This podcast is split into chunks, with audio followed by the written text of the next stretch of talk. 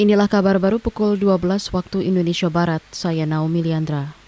Menteri Koordinator Bidang Politik Hukum dan Keamanan Menko Polhukam Mahfud MD mengatakan pembangkangan bisa terjadi jika pelanggaran hukum terus dibiarkan. Sebab kata dia negara didirikan dengan tujuan tertentu dengan dikawal hukum. Sehingga jika dalam perjalanannya terjadi disorientasi yang melanggar hukum, akan timbul ketidakpercayaan dari rakyat. Itu disampaikan Mahfud saat mengisi kuliah di kampus IPDN hari ini. Kalau disorientasi negara ini di dalam kepemimpinannya terus berjalan dan kita tidak memperbaikinya akan terjadi distrust, ketidakpercayaan, disintegrasi, distrust. Orang tidak percaya, apa sih? Itu penegak hukum kok kayak gitu? Apa sih pemimpin kok kayak gitu? Distrust sudah.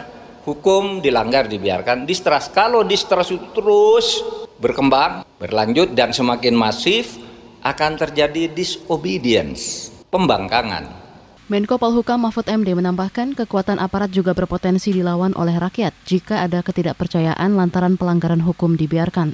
Mahfud mengingatkan negara Indonesia didirikan berdasarkan hukum. Hukum dibuat supaya negara berjalan dengan benar. Beralih ke informasi ekonomi. Kementerian Keuangan mencatat pendapatan Badan Layanan Umum BLU tumbuh 80-an persen pada tahun 2021.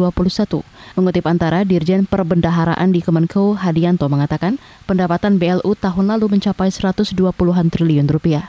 Pendapatan ini lebih besar dari target 210-an persen yakni 58 triliun rupiah.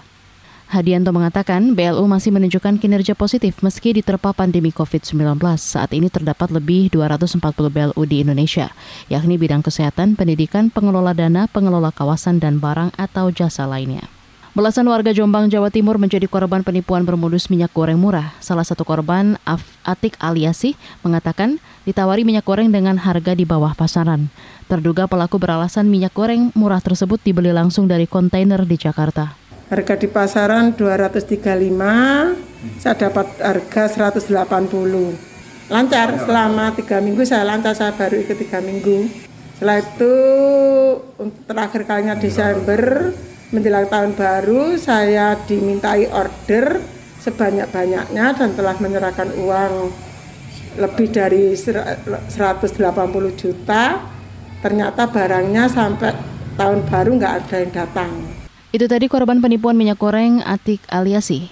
Saat ini terduga pelaku Erma Suryaningrum sudah ditangkap polisi. Kasat Reskrim Polres Jombang, Teguh Setiawan mengatakan, sejauh ini baru ada dua orang korban yang melapor dengan nilai kerugian 150 juta rupiah. Dia memperkirakan ada belasan korban lainnya dengan total kerugian mencapai 1 miliar rupiah.